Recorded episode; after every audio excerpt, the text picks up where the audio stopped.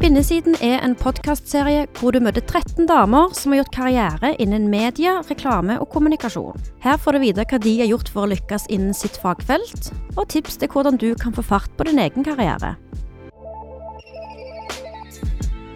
Jeg heter Kaja Gilje Sekse, og min gjest i dag er Marie Nord. Marie er seniorrådgiver i konsulenthuset Hammer og Hanborg. Hei Marie, velkommen til Spinnesiden. Hei, tusen takk. Fortell litt uh, om deg sjøl, og start gjerne helt tilbake til hva du gjorde når du var ferdig med videregående. Ja, da var man jo ferdig på videregående, og det var jo så vidt man bare kom seg gjennom det, uh, på en måte. Så jeg tenkte at det kanskje var lurt for meg å ta et friår, da. Uh, og det var det jo, så da bare jobbet jeg litt i barnehage og sånn. Og så kom jeg til det punktet hvor det kanskje var på tide å finne ut av hva jeg ville bli da jeg ble stor. Så så jeg en eller annen sånn plakat på T-banen og bare 'Å, studere i Australia'. Og jeg bare 'ok, da søker jeg på det'. gikk et år der på noe event management, men fant vel også ut at det kanskje ikke helt var det helt store. Jeg dro hjem, jobbet litt med telefonsalg og litt på McDonald's og litt mer i barnehage og litt sånn ringevikar, og bare gjorde masse forskjellig, egentlig, og ofte sjonglerte jeg liksom en tre-fire jobber hvor jeg først gikk på den ene jobben, og så gikk jeg på den andre, og så i helgene så hadde jeg en tredje jobb. Um, og så um, uh, studerte jeg litt mer og dro til Bali og tok sånn X-fil og X-fac, fordi ja, da kan jeg jo begynne på universitetet, egentlig. Så. så jeg ville liksom reise og jobbe, da. Det var vel egentlig det jeg uh, ville, ville, mest. Men så følte jeg liksom hele tiden at, uh, at jeg må jo gå på skole. det er jo det jeg liksom må, for det var jo det alle andre gjorde. Og det er jo gjerne det man blir fortalt at man skal studere. Ja, jeg føler jo Men du erfarte vel da at det var helt innenfor ja. å ikke Ja, eller nå, når jeg ser tilbake på det nå, da, så tenker jeg jo at uh, det gikk uh, bra. Men, uh, men det har liksom fulgt meg gjennom, eller egentlig helt siden jeg var ferdig på videregående, jeg, og fortsatt egentlig så sitter jeg sånn og hører at jeg burde studere, så jeg har sett på noen sånn B-greier nå til høsten, da, men vi får se hva det blir til. Men, og også prøvd å starte å studere flere ganger, ikke sant, det er vel ja, fire ganger eller noe sånt, da, at jeg har begynt på et eller annet på universitetet, eller liksom, jeg har tatt noe sånn X-fil, eller gått et år i Australia, og så hver gang så har jeg liksom kjent at eh, For jeg har, den, jeg har litt sånn den farten at det å på en måte følge et studieløp for meg eh, Det blir litt vanskelig for meg, da. Eh, så vidt jeg vet, så har jeg ikke noe sånn ADHD eller liksom et eller annet sånt, men, men jeg bare Jeg har ikke den tålmodigheten, rett og slett, til å egentlig gå på skole, har jeg vel da erfart. I hvert fall så langt i livet. Det kan jo hende det har endret seg nå, men jeg har ikke prøvd å begynne å studere på snart eh, seks år. så Men ja. Eh, men sånn jobbmessig eh, så, så har jo det også ført til en del litt sånn spennende ting, da. Det at jeg har da har jeg hatt tid til å jobbe i stedet for å, å studere. Og jeg, jeg, møter jo mange også nå i den jobben jeg har nå som rekrutteringskonsulent, som har kanskje brukt veldig mye tid på å studere, um, men som kanskje ikke har så mye av den praktiske arbeidserfaringen, som kanskje møter det motsatte av meg, da. Som kanskje møter den der at ja, ok, du har en mastergrad, men du har ikke så mye arbeidserfaring, og da møter du jo på den. Så det er jo veldig sånn dragkamp uh, rundt det. Og det er vel det ganske mange unge sier nå, at de har um utdannelse, de har en bachelor, de har kanskje til og med en master, mm. men de får ikke fot innenfor i den mm. uh, i vår bransje, da, mm. fordi at de har uh, ikke den praktiske mm. arbeidserfaringen. Mm. Så det er vel kanskje en balanse der mellom det at man skal um, kunne se muligheter i form av uh, arbeidserfaring eller praksis mm. eller hva det nå er, men samtidig studere om man ønsker det.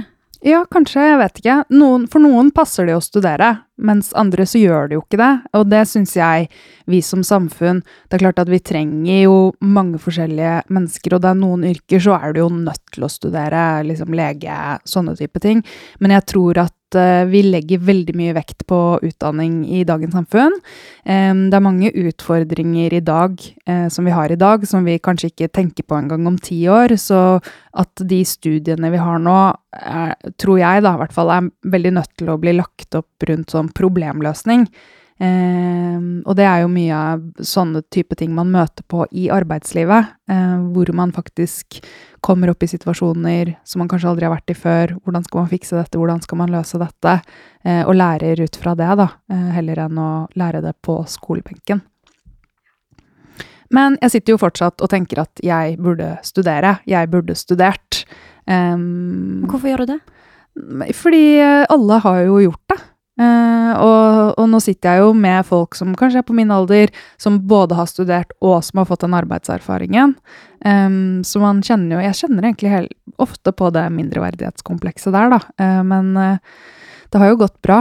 I hvert fall så langt. Men, og jeg tror jo det fortsatt kommer til å gå bra. men men, jeg, men, det jeg er veldig sånn opptatt av, er å hele tiden være åpen og sant, se nye muligheter og se at her er det noe som kanskje noen ikke har gjort før, eller eh, hvorfor Jeg kan jo bare hoppe ut i det og gjøre det, jeg. Um, ja. Og det har du jo gjort uh, ganske mange ganger. Du flytta jo til London, blant annet, når du Ja, uh, det gjorde jeg jo. Så da traff jeg jo mannen min. Da jobbet jeg som selger, eh, telefonselger.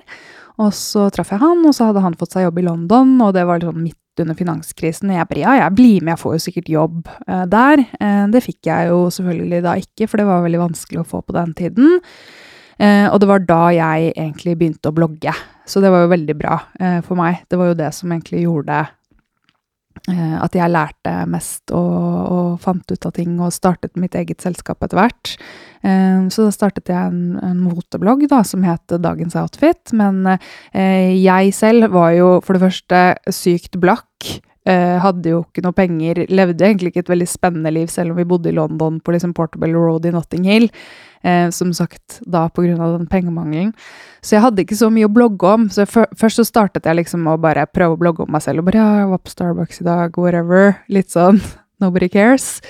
Um, men så så jeg etter hvert det at uh, det var veldig mange blogger der ute som man kanskje ikke var så lett å oppdage, um, fordi det var mye Paradise Hotel-blogger på den tiden, rett og slett. Det var liksom det det gikk og sto i. Dette er jo kjempelenge siden. Det er jo snart ti år siden.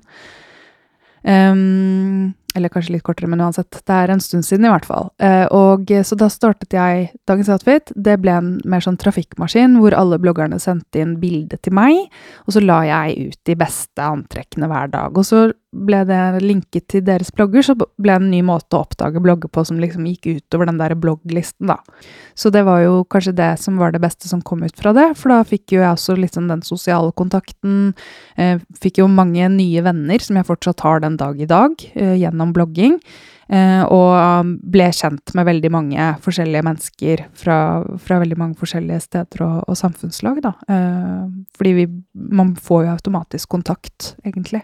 Og den eh, nettverksbyggingen, det skulle jo vise seg å uh, bære frukt. Ja. Fordi du fikk jo en uh, jobb i Modet. Ja, så, så, senere, etter hvert som denne bloggen ble jo større og større, og på den tiden så var det jo veldig mye å ha type sånn 30 000 lesere i måneden var ganske bra, da. Um, så det, det, var vel det vi endte opp med til, til slutt. Uh, og så var det et uh, svensk motenettsted som het Modet, som skulle flytte til Norge. Uh, de tok kontakt, så først så ble jo Dagens Outfit en del av det nettverket. så skulle hun som drev det, gå videre og finne på andre ting. og da trengte de noen til å, til å, drive det i Norge, så da tok jeg over egentlig det driften av det, da, og ble ja, redaktør for det nettstedet. Sånn jeg har alltid egentlig vært veldig flink til å skrive, jeg har et visuelt blikk, jeg liksom jobber jo hardt, så jeg fikk jo levert en del ting eh, i den forbindelse som, som eh, på en måte gjorde at det nettstedet også vokste seg større, og også ha den derre Dette var jo lenge før liksom det var noe United Influencers eller noe sånne ting, men vi var et lite bloggenettverk og et av de første i Norge, egentlig. Men egentlig før det også, så startet jo jeg og mange andre også litt sånn flere sånne små nettverk hvor vi samlet oss som bloggere, så det var, det var en litt sånn kul tid, og jeg tror ikke det var det er litt synd at man ikke kunne forutse som, hvor, hvor, stort dette skulle bli, da. For da hadde Det er ikke sikkert at jeg hadde slutta å blogge jeg, da jeg slutta å blogge, altså. Eh, og så ble jeg jo også da etter hvert kontaktet angående å være redaktør i Vixen. Eh, det var jo også veldig kult, for der var det jo Blog Awards, og det var jo også noe som eh, hun Marianne Jemtegård, da, som var eh, redaktør for Vixen på den tiden, eh, ville ta en kaffe en dag, og så sa hun bare at men du, jeg skal slutte, og så lurte jeg egentlig på om dette var noe du kunne tenke deg å ta over, for du er jo så flink med dette med nettverk og sånn. Så det var jo eh, nok en grunn til det. At jeg, jeg ble tenkt, påtenkt i den stillingen der. Um, Ja. Og, og der lagde du jo printmagasin òg. Ja, så der fikk jeg uh, prøvd meg på det, og det er jo ganske sånn kult uh, for en som uh, bare et par år før tok litt sånn strøjobber her og der, på, jobbet litt på McDonald's og så litt på barnehage og ja. Øh, men det var mye jobbing da, jeg satt jo ofte hele dagen og liksom blogget og blogget og blogget og satt og kommenterte på alle andre sine blogger, og dette var jo også før Instagram og liksom, det var på en måte sånn man bygde det nettverket da. Det husker jeg. De dagene når man skulle, om man skulle ha trafikk til sin Ja. egen blogg, så måtte du sitte og være aktiv x antall timer per dag Ja. for at folk skulle uh, klikke seg inn på din blogg. Jeg satt hele dagen. Det. Jeg Ja, satt hele det var dagen. old school Mm. Det var trafikkgenerering. Det var ikke noe hashtags på den tiden. Nei. um, nei, så det, det har vært en veldig spennende reise. Uh, og så jobbet jeg jo i Vixen, og så er det jo sånn noen ganger at man kanskje ikke er helt enige om ting. Ehm, og det var dessverre litt sånn tilfelle der. Jeg hadde veldig sånn, litt sånn ambisjonsnivå som kanskje var litt sånn, sånn som jeg opplevde det, i hvert fall høyere, da. Um, Vixen Blogwords har jo, mener jeg i hvert fall, internasjonalt potensial, eh, og at eh, de fortsatt er i, er i Norge, kun i Norge. Jeg fikk liksom ikke helt den derre å, vi burde dra til Sverige, vi burde dra til Danmark, vi burde utvide dette. Eh, som da gjorde at jeg egentlig bare valgte å eh, takke for meg, selv om det var en veldig kul mulighet, og jeg fikk lært masse, og det var jo blant annet der jeg ble kjent med deg, Kaja. Mm. Um, og fikk lage printmagasin, og bare fikk ordna liksom lenge også før Iggy Azalea ble noe kul og stor, så bare visste jeg tilfeldigvis at hun var i New York, og at vi kunne ha en shoot, og så bare ble hun første covergirl, og det var veldig kult. Det er ganske fett, og det tror jeg det er veldig mange som ikke er klar over. Ja. At det var du Ja. eh, som skaffa hun eh, på coveret til et gratismagasin Ja. i Norge. Ja. Det var ganske kult. Den eh, Det var er det in ikke mange som Nei. kan måle seg med. Det var veldig gøy. Og det er den greia mi, føler jeg, som jeg kanskje har lyst til å øh, snakke om også, tenke, at folk kan tenke, da, at eh, hvis du er litt sånn på hugget, og du følger med, og du liksom tenker, eh, bare tenker, så kommer du over ting eh, som kan gjøre at noe blir veldig bra, men da må man på en måte ta en avgjørelse, da må man hoppe på toget, eller velge å ikke hoppe på. Eh, men jeg tror hele min karriere og hele mitt liv har liksom vært veldig preget av sånn derre Ja, da gjør jeg det, da gjør jeg det, da gjør jeg det. Eh, gått videre hele tiden, hoppet på eller hoppet av. Um, så, og det føler jeg at jeg har lært mye av. Men det fører jo også til at man kanskje har en litt sånn rar vei, og liksom gått fra McDonald's til salg til London og blogg, og så eh, etter hvert også så startet jeg jo for meg selv. Det høres òg ut som du har fulgt magefølelsen din ganske mye, og det ligger nok en del i det med å hoppe på ting eller hoppe av ting. Hva tenker du er viktigst? Er det å følge magefølelsen eller å følge hodet? For meg så er det å følge magefølelsen. Eh, men jeg vet jo at alle mennesker er forskjellige, alle kan ikke gjøre de samme tingene. Eh, men jeg tror også, Petter Stordalen sa det jo her for litt siden, at man bør egentlig slutte oftere. Eh, hoppe på noe nytt, gjøre noe annerledes, lære seg noe man kanskje ikke har. Eh, men det trenger ikke alltid å være i jobb eh, og karriere, det kan jo være i privatlivet også. Du kan jo gjøre ting som du kanskje aldri hadde tenkt på. Men jeg, jeg, for meg er det veldig viktig å følge magefølelsen min, og det er også fordi det er veldig viktig for meg å være liksom tro mot meg selv, og det jeg tror på, og det jeg tror uh, gjør at ting blir bra, da. Um, så er det ikke sikkert at jeg alltid har rett, eller at alle andre er enig med meg i det, eller at jeg er noe orakel på den i så måte, men det er på en måte det som driver og motiverer meg, da. Det er at uh, at jeg kan gjøre litt sånn det jeg uh, vil, og liksom helst, uh, helst syns er bra. Um, Og det gjorde du jo, fordi du gikk videre til eh, å starte ditt eget byrå. mm. Og det også var jo lenge før eh, egentlig jeg i hvert fall da, visste at content var noe svære greier. Eh, I hvert fall på det digitale. Eh, dette er jo også en liten stund siden, men da startet jeg og en, en bloggkollega da, som jeg hadde truffet eh, gjennom blogging, som heter Sara Strand, som for øvrig også er en veldig flink eh, dame. Vi startet et lite digitalt innholdsbyrå som het We Don't Do Print.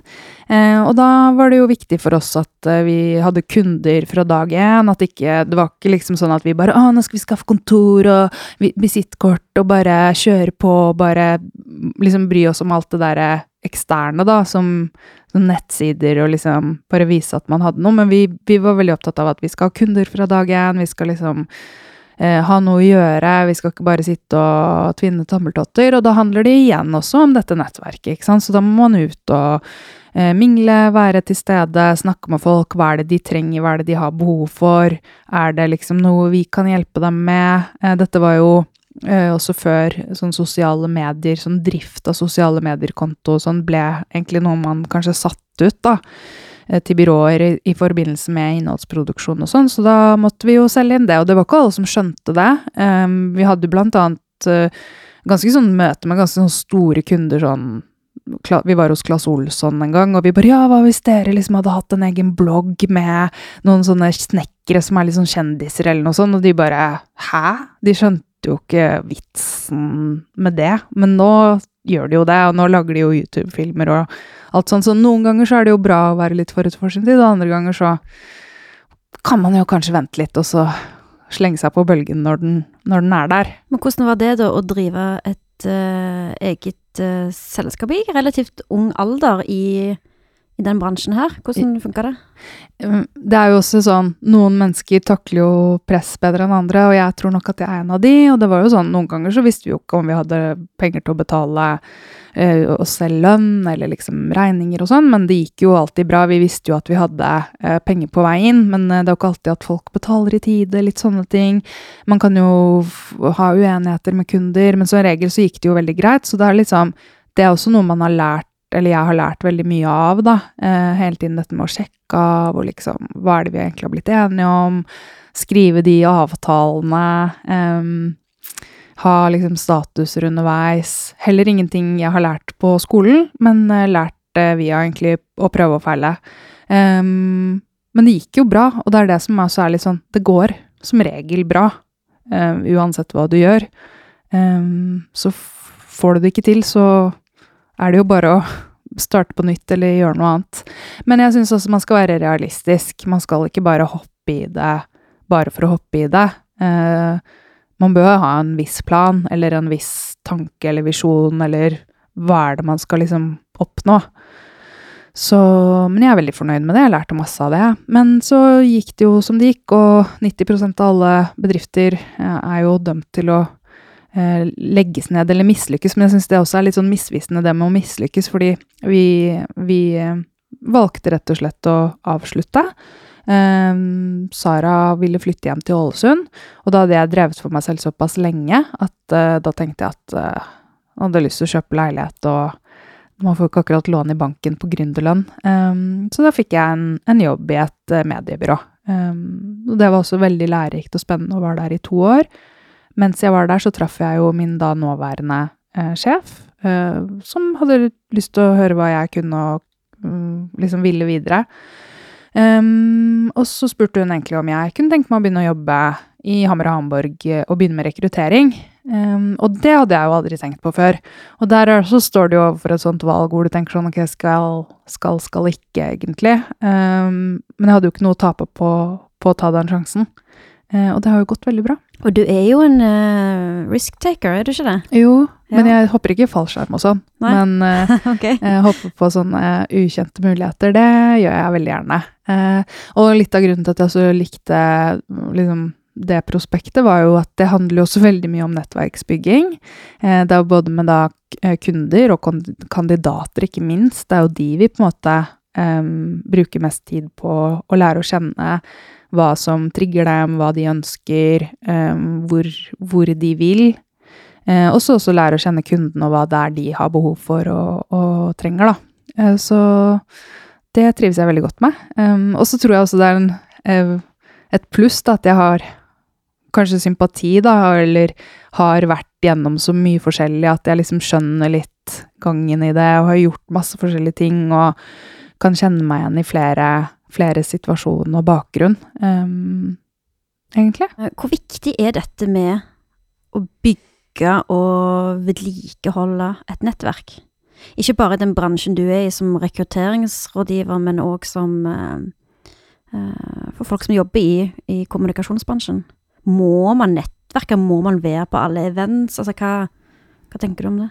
Det kommer jo litt an på hva man vil med et nettverk, eh, og så er det jo Det kan jo høres litt kynisk ut, men, men det er jo greit å ha på en måte ha det nettverket. Eh, du vet liksom aldri hvor neste mulighet Sånn, sånn som for meg, da, så handler det jo litt om den derre Hvor kommer neste mulighet fra? Hva er det? Det er ikke sikkert at det handler om at jeg skal skaffe deg en jobb, eller jeg skal jobbe med deg som kunde. Det kan jo også handle om he vidt, an, helt andre ting. Sånn 'Å ja, du kjenner han', eller 'Å ja, shit, ja, da ble jeg invitert på en fest', eller um, Bare det med å liksom vite hva som skjer, da. Det, det syns jeg er veldig gøy, egentlig. Um, men ja, hvor viktig er det? Jeg vet ikke. Det kommer litt an på situasjonen, mennesket. Jeg tenker jo at hvis du Hvis en person ikke er en naturlig nettverksbygger som elsker å prate med folk, så kan det være litt vanskelig å gå på disse treffene og drive og mingle og Og det er jo litt sånn man føler at man har en uh, mission. mm. Og må presse fram ofte det. Altså skal man Ja, jeg syns hele mingle-nettverkingsgreiene kan være ganske kleint. Men uh, Men uh, jeg ser jo òg ganske tydelig at det, når, noe, når man er flink på det, Mm. så kan man få veldig mye ut av det. Ja, Mm. Og det trenger ikke alltid å handle om noe jobbrelatert. Det kan være bare å liksom ja, ta en kaffe en dag og snakke om det ene og det andre, eller kanskje få en ny bekjent eller en venn, eller kanskje han visste noe som du ikke visste, men som var nyttig for deg i neste eh, korsvei. Så Men ja, påtvungethet er jo teit, for da er det jo ikke god nettverking heller. Så det, det er litt sånn den derre Hvis man går rundt og tvinger seg selv, så tror jeg ikke det er noe lurt. Nei. Og det plukker nok andre opp òg, Ja. hvis det er veldig sånn Ja, og det, det og ubehagelig. Og det hender jo at jeg også uh, holder meg hjemme, fordi at uh, jeg er sliten, eller jeg ikke orker, og jeg bare vet at i dag så er ikke jeg i det humøret til å liksom gå rundt og snakke med folk og tulle, og, og da må jeg bare Mm. lytte til det, fordi da er det ikke noe vits for meg heller, selv om jeg er eh, liksom i, i hermetegn flink på det. Hva tips og råd har du til noen på 25 som er på vei inn i mediekommunikasjonsbransjen? Min tips til deg, det er å ikke være redd. Eh, tro på deg selv og vit hva du kan. Ikke vær, altså, ikke vær sånn 'unnskyld for at jeg er til', fordi det er du, og du, det må du bare ta, egentlig. Jeg møter jo veldig mange som er litt sånn 'ja, jeg kan det, men jeg, men jeg har aldri liksom' og, og det er bare sånn, bare fortell meg hva du kan, da. Ikke alt det du ikke kan. Ha fokus på det du kan. Eh, det er kanskje det jeg har hatt hele livet, og det jeg ikke kan, det må jeg bare finne ut av. Eh, så enkelt er det med den saken. Så finn din styrke, og spill på den, først og fremst. Eh, jeg har tre kjappe spørsmål til deg avslutningsvis, Ja. som jeg spør alle gjestene mine. Så nå må du svare kjapt. Ok. Hva er det beste med bransjen? Uh, alle menneskene. Hva er det verste med bransjen? Alle menneskene. Kult. Uh, Marie, tusen takk for at du kom og delte din historie så langt med ja. meg og de som lytter. Ja, tusen takk for at jeg fikk komme.